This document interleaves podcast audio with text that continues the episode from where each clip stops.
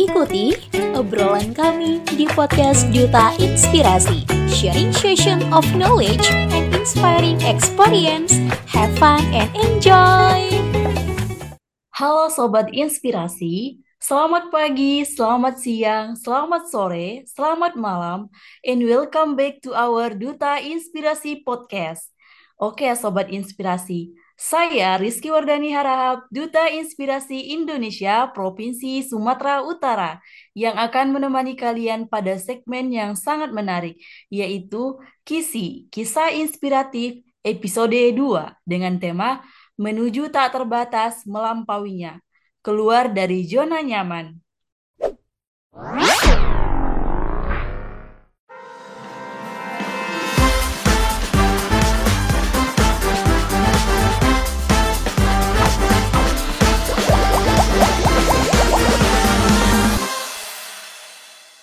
Oke Sobat Inspirasi, tanpa berlama-lama lagi, karena aku sudah kedatangan narasumber yang luar biasa pada hari ini, beliau adalah Kak Ferdi Surya Wijaya. Halo Kak Ferdi. Halo, selamat malam. Wah, gimana nih Kak kabarnya dari Kak Ferdi hari ini? Alhamdulillah baik, luar biasa.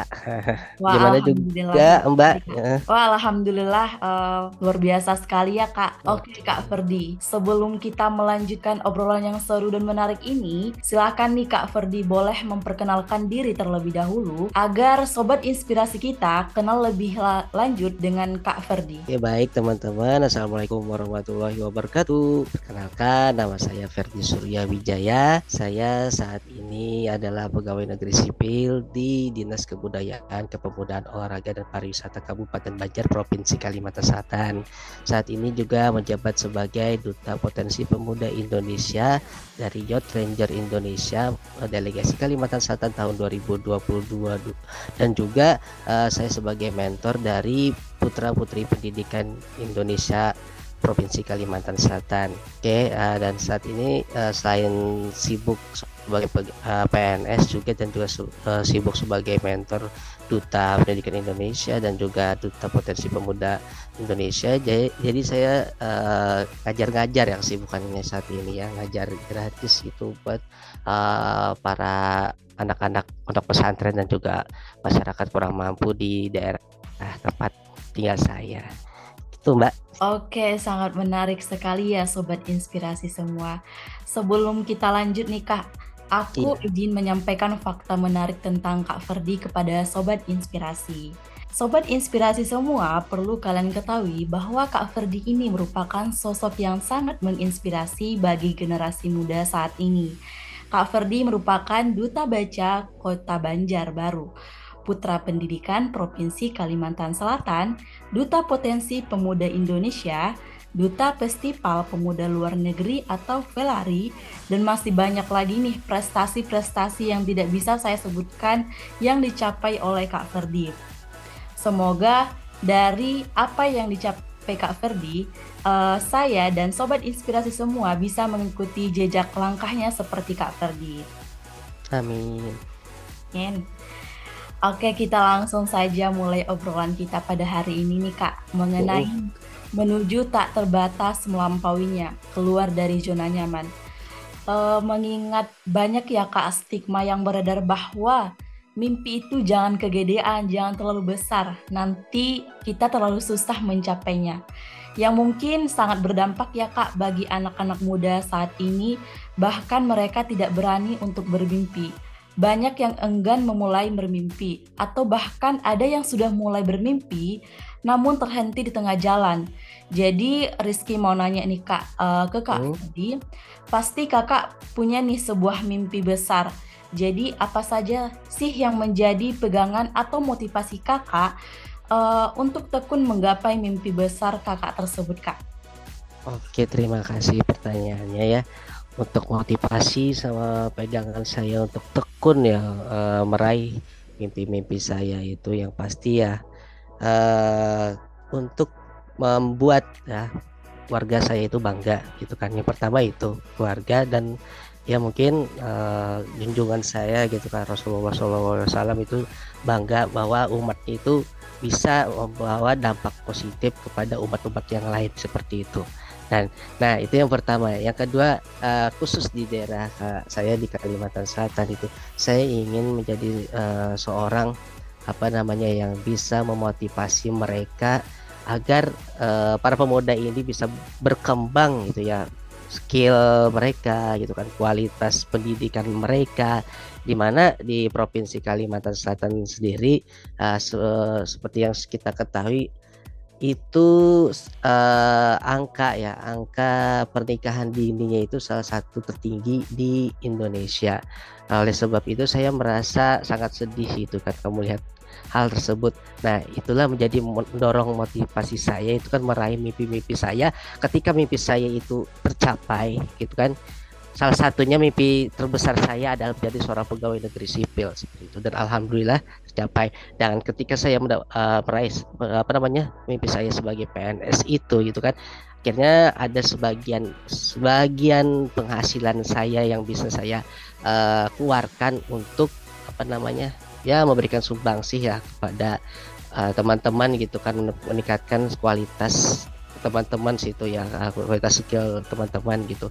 Dengan cara mungkin memberikan mereka pelatihan-pelatihan dan itu kan biasanya kalau orang-orang itu kan eh, apa namanya ya dibayar seperti itu ya dibayar untuk uh, memberikan ilmu seperti guru gitu kan guru bimbel atau apa. Kalau ini kalau ini saya enggak ketika saya sudah menjadi seorang pegawai negeri sipil gitu mimpi saya sudah terwujud buat apa buat apa lagi saya gitu kan minta bayaran sama mereka.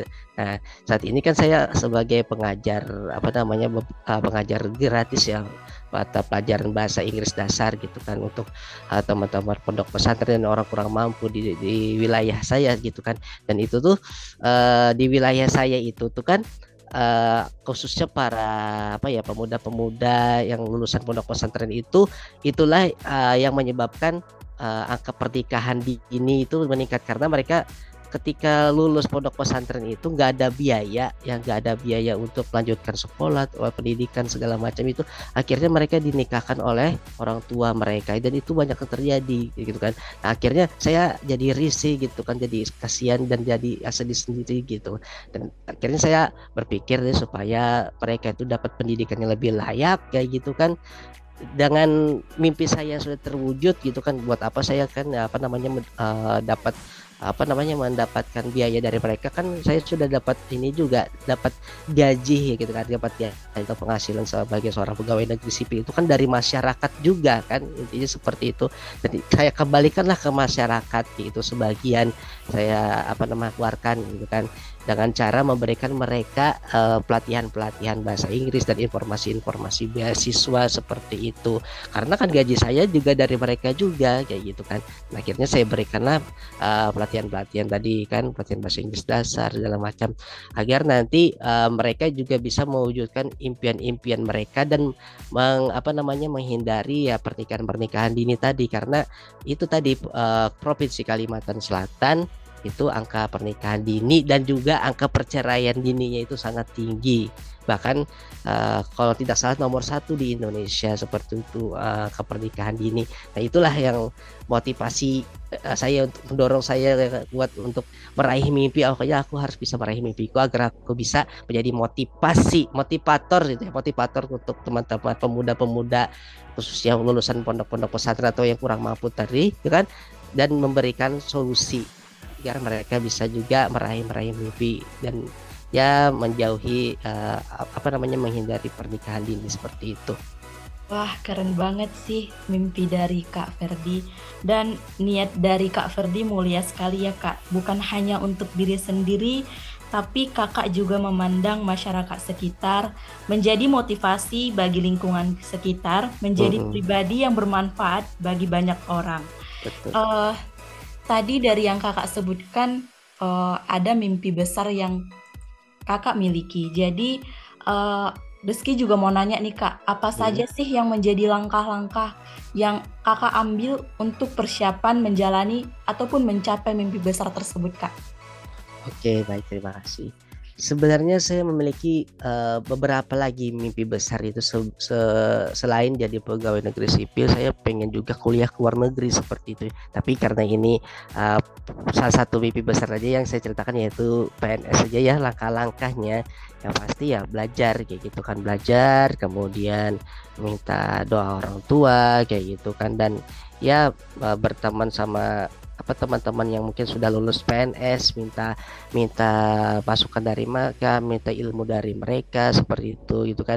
Nah yang jelas untuk belajarnya menjadi seorang pegawai negeri sipil itu biasanya kan teman-teman uh, apa namanya beli buku gitu kan. Nah kalau beli buku ini kan orang-orang tertentu saja yang mungkin uh, bisa memahami dan cepat memahami seperti itu ya dari buku. Nah uh, kalau saya dulu itu apa sudah tiga kali gagal ya dari apa ikut tes uh, pegawai negeri sipil. Nah, dan alhamdulillah di tahun 2021 kemarin rezeki saya percobaan yang keempat ya gitu ya. Dan itu saya nggak lihat buku lagi, gak belajar dari buku, tapi uh, memanfaatkan sosial media yaitu YouTube gitu untuk belajar. Nah, dari situ kan jadi kita tuh gak hanya me, apa ya membaca tapi juga mendengarkan. Jadi kita tuh mainnya itu bukan hanya di otak kiri saja tapi juga di otak kanan seperti itu. Jadi sudah kita melihat mendengarkan juga dan kita bisa langsung memahami kan karena mungkin ada pengaruh uh, dua otak ini langsung kita pakai. Dibandingkan kita hanya apa namanya ya memakai otak kiri aja ketika kita membaca itu kan agak sulit. Kecuali orang-orang yang IQ ya tinggi seperti itu ya. Nah untuk orang-orang yang mungkin IQ-nya yang uh, cukup tinggi gitu kan atau yang menengah itu saya sarankan uh, belajarlah dari YouTube gitu kan. Banyak sekali kan ininya video-video gitu kan yang uh, tersedia gitu kan. Nah itu yang pertama. Kemudian ya pastinya berdoa gitu kan. Berdoa dan minta doa uh, orang tua minta doa teman-teman minta doa ya para kalau kalau Islam menyebutnya para alim ulama seperti itu ya para guru-guru oleh gitu soleha ustadz ustazah seperti itu Nah itu sih langkah-langkahnya gitu kan. Yang pasti ya yang pastinya uh, tips sama triknya itu ya itu tadi uh, nonton di sosial media YouTube tadi kalau menurut saya yang lebih efektif gitu dan dan mungkin lebih efisien gitu kan. Karena kalau kita apa namanya beli buku itu ketika kita beli buku yang mungkin harganya 100 ribu itu uh, mungkin kurang ini ya kurang efektif dan efisien kayak gitu ya. Dibandingkan kita uh, beli kuota uh, berapa gitu kan uh, misalnya berapa giga gitu kan beli kuota tapi kita bisa nonton gitu kan kita bisa ambil rekamannya download rekamannya dan kita bisa mengulang-ulang-ulang lagi gitu kan akhirnya bisa masuk ke otak kita seperti itu jadi itu mbak Wah keren banget ya Kak Ferdi. Uh, walaupun sudah mengalami tiga kali gagal, tapi tidak membuat Kak Ferdi pantang menyerah nih Kak. Iya. Patut sih kita contoh dari sosok Kak Ferdi. Uh, dari jadi tadi kakak itu mengatakan langkah-langkahnya itu ada beberapa yaitu memanfaatkan teknologi canggih seperti internet, doa-doa seperti doa teman-teman, orang tua, dan orang sekitar kita. Baik, kita lanjut nih Kak. Uh, mungkin untuk mencapai mimpi Kakak itu ada nih uh, role model yang Kakak uh, role model Kakak. Jadi siapa nih role model yang Kakak jadikan untuk gigih dan kuat dalam mencapai mimpi besar Kakak tersebut, Kak? Oke, untuk role model ya. Uh, role model itu aku boleh jujur adalah uh, Muhammad Al-Fatih mungkin kalian sudah tahu gitu kan penakluk Konstantinopel di usia yang sangat muda beliau bisa melakukan Konstantinopel yang sekarang jadi kota Istanbul di Turki ya seperti itu. Nah, uh, jadi ya saya terinspirasi perjuangan beliau yang uh, muda aja sudah berprestasi, sudah bisa membanggakan bukan hanya uh, orang tua, bukan hanya bangsa saja tapi juga mungkin membanggakan agama itu kan karena bisa uh, ya itu berebut apa namanya Konstantinopel tersebut itu kan dan dan menjadi ya apa namanya ya panutan ya buat para para pemuda gitu. Yang yang suka baca-baca sejarah tentang sejarah Islami seperti itu cocok dijadikan role model. Nah seperti itu ya. Dan juga kalau yang di mungkin ya di Indonesia itu kan kalau di luar negerinya kalau di yang sejarahnya ya. Kalau yang di Indonesia itu mungkin ada sahabat saya sendiri misalnya contohnya uh, teman saya itu kan dari SMA itu ada dokter Syarial Sadik gitu kan. Beliau sudah berapa kali dapat uh, beasiswa uh, gitu kan sampai ke doktoral gitu sampai S3 kayak gitu.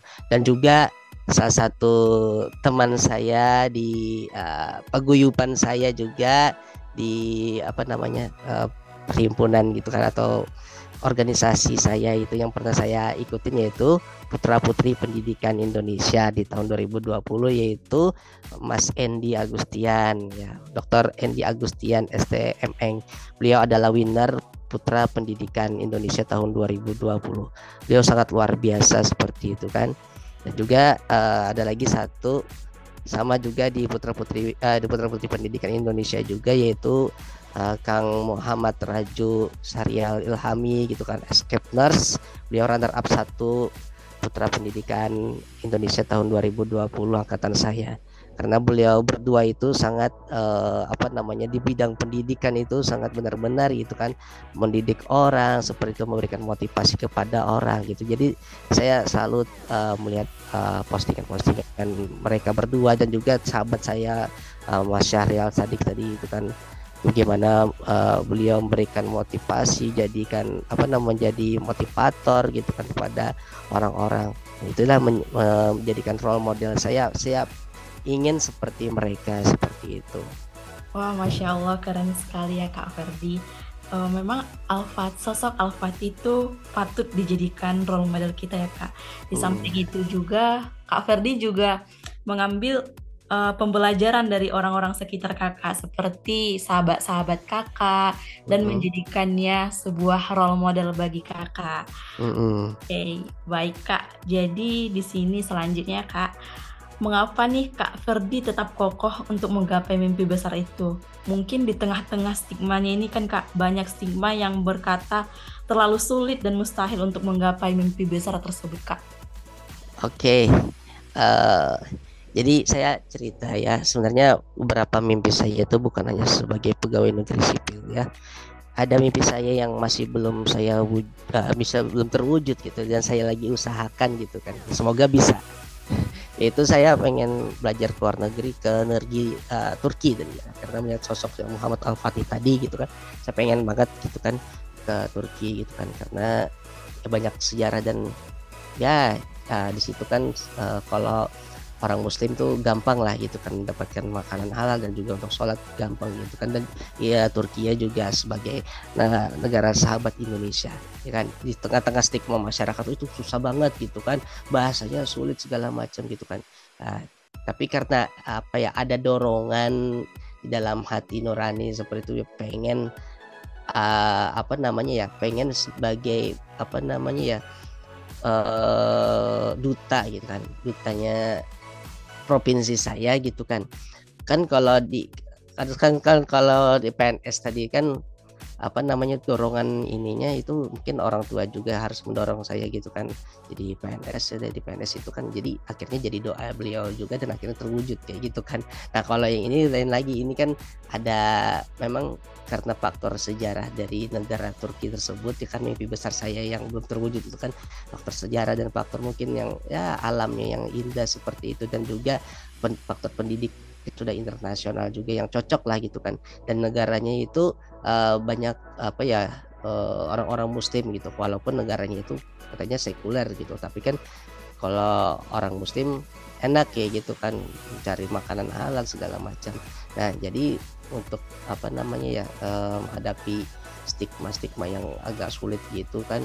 Jadi ya tetap belajar kayak gitu kan. Uh, manajemen waktu saya gitu kan kapan saya bekerja kapan saya belajarnya gitu kan belajar bahasa uh, Turki itu kursus-kursus online seperti itu jadi ya tetap gigih demi terwujudnya uh, mimpi tersebut karena ya uh, di dunia pegawaian itu PNS atau ASN itu uh, kalau jadi seorang pegawai negeri sipil itu ada namanya tugas belajar sama izin belajar gitu ya. Jadi kalau izin belajar itu uh, saat teman-teman tahu kalau izin belajar itu kita diberikan izin belajar tapi apa namanya ya uh, eh kalau kalau tugas belajar sorry kalau tugas belajar itu kita eh, apa namanya dibiayai pemerintah atau dibiayai beasiswa kayak gitu tugas belajar kalau izin belajar itu biaya sendiri gitu. saya kan punya impian ke Turki itu pakai tugas belajar jadi dapat beasiswa dan juga di, sekalian dibantu oleh pemerintah Indonesia khususnya dari ya apa ya dari dari daerah sendiri gitu kan. Dari daerah sendiri dan juga ada sponsornya mungkin ya dari penyedia beasiswa tersebut kayak gitu kan impian saya gitu. Nah jadi eh, apa namanya setelah saya mungkin nanti bisa misalnya kalau misalnya lolos di beasiswa tersebut gitu kan sebagai impian terbesar saya juga kan selain PNS Nanti saya juga akan mengajarkan gratis bahasa Turki itu ke uh, teman-teman yang ada di provinsi Kalimantan Selatan ya gitu kan. Kan di sini kan banyak gitu kan sekarang sudah yang lulusan-lulusan dari Turki gitu kan ngajar-ngajar gitu kan dan itu berbayar. Kalau saya kembali lagi gitu kan kalau misalnya waktu ini jadi PNS saya akan ngajar bahasa Inggris gratis gitu kan ngajar saya itu seumur hidup. Ini kalau gini kalau saya lulus di beasiswa Turki saya gitu saya akan ngajar lagi gratis seumur hidup bahasa Turki ya gratis itu. Tapi buat teman-teman di Kalimantan Selatan saja. Sebab kenapa? Sebab uh, untuk akses ya untuk dapatkan beasiswa ke Turki itu hanya ada di dua kota ya. Saat ini ya itu di provinsi Aceh ya daerah istimewa Nangro Aceh Darussalam kayak gitu dan juga di Jakarta. Seperti itu. Nah dan saya itu pengen jadi uh, pelopor uh, di Kalimantan. Jadi teman-teman yang ada di provinsi uh, di Pulau Kalimantan ya semua provinsi di Kalimantan Selatan itu gak perlu lagi ke Sumatera ke Aceh gak perlu lagi ke Pulau Jawa ke Jakarta untuk ikut uh, tes uh, kuliah ke Turki ya. Cukup berada di Banjarmasin saja gitu kan atau di Banjarbaru aja di Kalimantan Selatan itu di tempat saya. Agar nantinya ketika teman-teman yang ada di Kalimantan di Pulau Kalimantan itu menuju kota Banjarmasin atau Banjarbaru itu itu bisa men, apa ya meningkatkan perekonomian teman-teman apa perekonomian masyarakat yang ada di sekitar daerah Banjarmasin Banjarbaru. Karena kan berbondong-bondong mereka datang gitu kan. Kan lumayan itu pendapatan uh, apa ya ke daerah kayak gitu kan. Karena sudah dibuka nih akses untuk uh, tidak usah lagi ke Pulau Jawa dan tidak usah lagi ke Pulau Sumatera untuk uh, mendapatkan beasiswa itu. Jadi kalau beasiswa yang saya tahu ya untuk di Turki itu ada beberapa yang paling terkenal ya YTB Turki Burslar Scholarship itu ya dari yang saya impi-impikan gitu. Dan juga kalau dari Indonesia ada dari Masa Gena Edukasi seperti itu. Nah, jadi impian saya ketika saya uh, berhasil kuliah ke sana gitu kan dapat beasiswa dan bisa pulang lagi ke sini gitu kan insya Allah dan saya akan bakal ngajarin gratis gitu kan jadi teman-teman dari kalangan mana pun baik kaya ya kan nggak kaya dari pokoknya dari kalangan mana pun gitu kan nggak usah bayar. Nah ketika juga usah bayar sama saya akhirnya bisa deh pergi ke Turki. Ketika sudah berhasil pergi ke Turki itu balik lagi kita mendapatkan pendidikan yang lebih baik kayak gitu. Itu mbak. Wah mulia sekali ya kak e, niat dari kak Ferdi. Tidak hanya untuk diri sendiri sih tapi jika saya berhasil saya juga harus menjadikan orang di sekitar saya seperti saya. Wah, menarik banget sih itu Kak Ferdi. Jadi teman-teman semua untuk mengatasi di tengah stigma yang mengatakan bahwa terlalu sulit atau mustahil nih. Jadi kita harus belajar manajemen waktu nih yang paling penting. Usaha dan ketekunan kita bagaimana mencapai impian impian tersebut. Jadi Kak Ferdi nih, uh, apa sih Kak? Atau apa yang dapat Kak Ferdi bagikan untuk setiap anak muda yang sedang berusaha menuju mimpi yang tak terbatas nih Kak? Dan berusaha melampaui atau mewujudkan impiannya tersebut Kak? Oke, saya uh, pernah mengalami ya, pasti teman-teman pasti tahu. Uh, istilah quarter life quarter life uh, crisis ya, ya se seperempat kehidupan krisis ya krisis di seperempat kehidupan kayak gitu. Jadi diibaratkan seperempat uh, kehidupan itu mungkin kalau dari 100 ya dari 100 tahun. Ya di, di asumsikan kita tuh hidup 100 tahun dari berarti dari sekitar ya sampai usia 25 tahunan kita tuh mendapatkan krisis gitu kan. Krisisnya apa? Kita insecure melihat teman kita berhasil. Kayak saya dulu gitu kan uh, teman saya berhasil dapat S2 sampai S3 ada yang dapat kerja enak ada yang nikah duluan seperti itu kan. Nah jadi uh, yang ingin saya bagikan kepada teman-teman gitu kan supaya uh, bisa menghadapi itu dan mendapatkan apa menggapai mimpinya seperti itu. Yang pertama tipsnya ya uh, coba kalian itu punya sosial media seperti Instagram follow lah ya kan orang-orang tokoh-tokoh yang inspiratif. Follow lah uh, platform-platform seperti Duta Inspirasi Indonesia ini ya kan dan duta-duta yang lainnya. Otomatis nanti kalian akan termotivasi aku pengen seperti dia. Terus kalian pasti nanti ah tapi aku kan gak memiliki prestasi seperti mereka bagaimana caranya aku memiliki prestasi? Gitu kan. Nah pasti uh, ada faktor X di, di dalam diri teman-teman gitu kan supaya bisa supaya ingin mengembangkan uh, apa namanya skill yang terpendam di dalam diri teman-teman. Cobalah hal-hal yang baru gitu entah mungkin menggambar atau main musik. Coba dulu sampai akhirnya kita tuh menemukan passion kita gitu kan. Ketika kita menemukan passion kita uh, tekuni seperti itu. Setelah tekunin itu kan uh, berkumpullah orang-orang dengan orang-orang yang positif ya orang positif yang juga mendukung dengan passion kita gitu kan. Nah orang-orang yang positif tadi itu ya seperti duta-duta ya seperti kita duta inspirasi gitu kan tuh di di di polo aja dulu di polo kayak gitu kan. Kemudian mungkin cari teman-teman kalau di kampus itu misalnya ya, orang-orang yang juara-juara lomba karya tulis ilmiah juara-juara esai atau juara-juara pokoknya yang juara-juara juga kayak gitu. Yang positif-positif lah gitu kan yang kita temanin. Karena kan uh, kalau kita berteman kata kata pepatah gitu kan kalau kita berteman dengan orang yang uh, penjual apa namanya minyak wangi kita akan ya sedikit lah paling enggak keciuman wangi juga. Tapi kalau kita yang uh, berteman dengan yang orang pandai besi nanti kan akan terpercik juga ininya apinya gitu kan. Nah makanya ketika dulu saya berada di uh, quarter life uh, crisis gitu kan itu uh, seperti teman-teman itu nggak apa yang meninggalkan saya gitu kan. Ada yang sibuk dengan apa namanya bisnisnya ada yang dengan keluarganya dengan pekerjaannya dengan beasiswanya kayak gitu.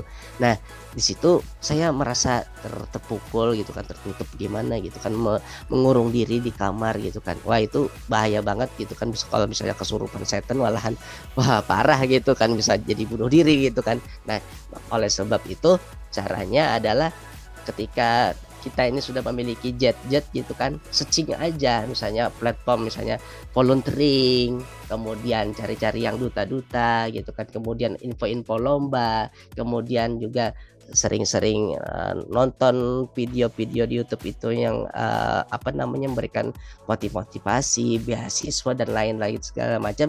Dan akhirnya nanti kita bisa melupakan hal-hal negatif yang ada dalam diri kita dan berusaha agar lebih baik lagi seperti itu. Dan dan itulah uh, momennya ketika saya itu terpuruk ya di titik terendah dalam hidup saya itu kan saya mencari nih peluang bagaimana sih supaya akhirnya supaya bisa uh, berada ke, uh, merangkak ke atas ke atas ya gitu kan.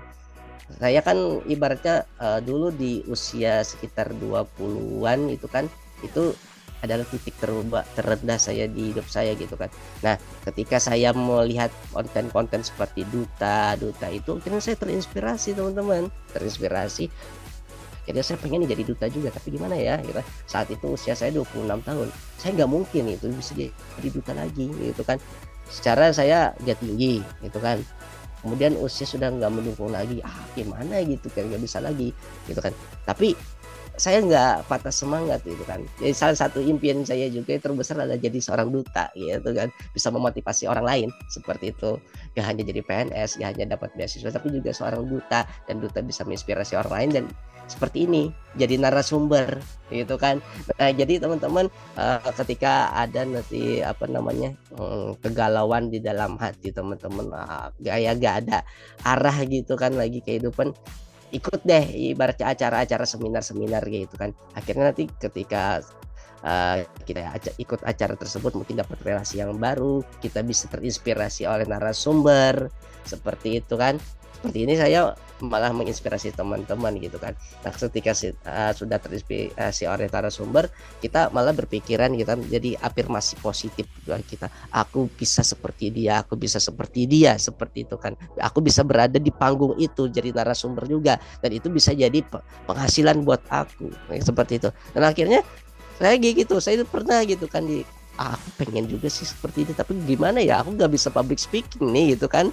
Nah, cuman karena aku berpikiran negatif kalau misalnya nggak dimulai sekarang kapan lagi itu kan? Sekarang secara kan usia kan terus terus dan terus kan uh, ber, apa namanya berkurang ya kalau hakikatnya itu kan? Kapan lagi gitu kan? Uh, aku mau mencoba. Jadi teruslah mencoba jangan takut gagal. Saya pernah kok gagal gitu kan jadi apa pembawa acara di salah satu televisi di lokal di tempat saya gitu kan malu banget waktu itu. Tapi uh, apa namanya faktor apa keinginan gitu kan sebagai menjadi seorang narasumber itu kan seperti ini gitu kan. Jadi pengen terus mengasah public speaking public speaking gitu kan. Belajar public speaking juga dan terus mencoba gitu kan. Kemudian cari-cari informasi pemilihan duta dan akhirnya dulu uh, ikut pemilihan duta baca gitu kan. Setelah ikut pemilihan duta baca di tahun 2020 itu uh, ketika zaman pandemi COVID-19 itu ada peluang jadi duta pendidikan ya saya ikut juga. Akhirnya berkumpullah dengan teman-teman yang memiliki afirmasi positif, semangat yang tinggi, semangat yang baik, segala macam ilmu yang banyak, kira dapat dapat dapat ilmu.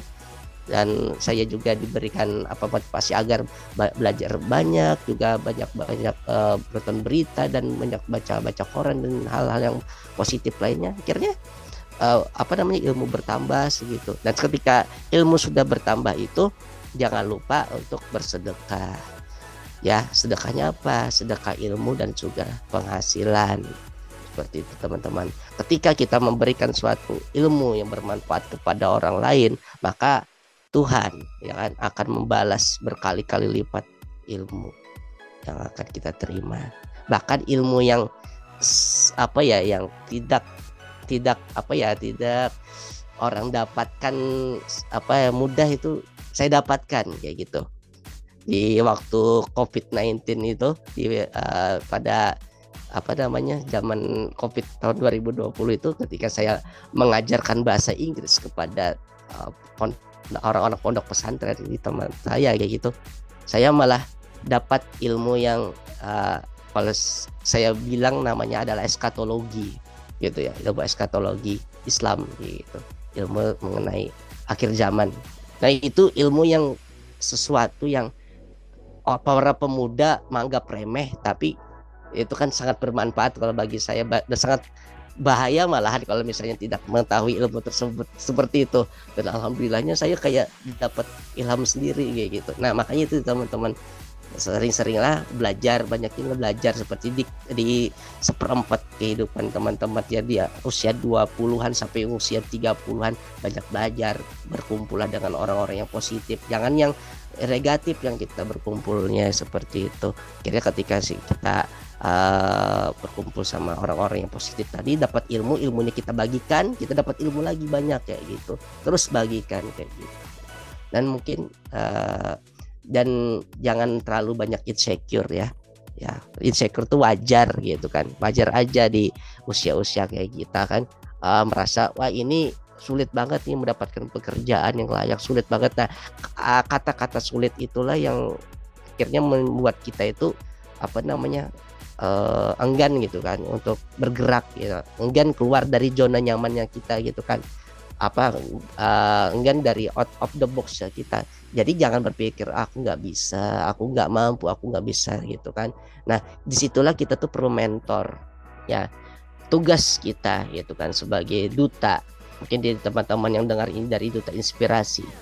Mungkin ada teman-teman dari duta pendidikan juga duta duta-duta yang lain kayak gitu kan. Teman-teman itu memiliki skill teman-teman masing-masing memiliki kemampuan teman masing ilmu juga kan beragam ilmu gitu kan. Nah uh, ketika ilmu tersebut uh, apa namanya kita bagikan kepada orang lain yang membutuhkan gitu kan itu apa namanya mungkin dia yang perlu apa namanya yang perlu bimbingan dari kita itu merasa jadi apa tercerah gitu kan banyak kehidupannya seperti itu. Dan akhirnya yang akhirnya dia berpikir negatif tadi bisa jadi positif berkat kita gitu kan. Jadi eh, teruslah ibaratnya mencari teman-teman yang positif. Makanya kata saya tadi kan teman-teman ini uh, yang mendengar yang mungkin belum jadi duta mungkin ya. Nah, follow aja itu kan uh, duta-duta mungkin duta inspirasi atau duta apa. Nanti bisa ter, terinspirasi gitu kan ikut acara duta-duta dan mungkin jadi jadi duta gitu kan. Jadi duta dapat dapat ilmu uh, dari apa organisasi duta tersebut bagikanlah kepada orang agar nanti ilmunya itu merata seperti itu. Gimana mbak sudah. Oke, sangat menarik nih uh, hal yang Kak Ferdi sharing bagi kita generasi muda. Mungkin uh, dari yang saya dengar, saya mencoba merangkum ya Kak, mm itu ada memanfaatkan sosial media, mencari lingkungan positif, afirmasi positif bagi diri sendiri uh, dan ketika kita gagal kita harus tetap mencoba jangan pernah takut karena kegagalan itu adalah pintu dari kesuksesan. Dan iya. satu hal lagi yang Kak Ferdi sampaikannya itu adalah sedekah dan ilmu yang kita hasilkan. Ketika kita sudah berhasil kita jangan lupa sedekah ataupun berbagi apa yang sudah kita dapatkan. Karena ilmu yang kita berikan itu maka Allah akan membalasnya berkali-kali lipat. Mm-hmm.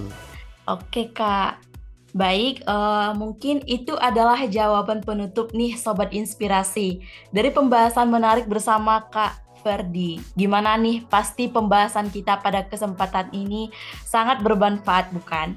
Kalau menurut aku pribadi sih ini sangat luar biasa dan sangat bermanfaat bagi kita semoga.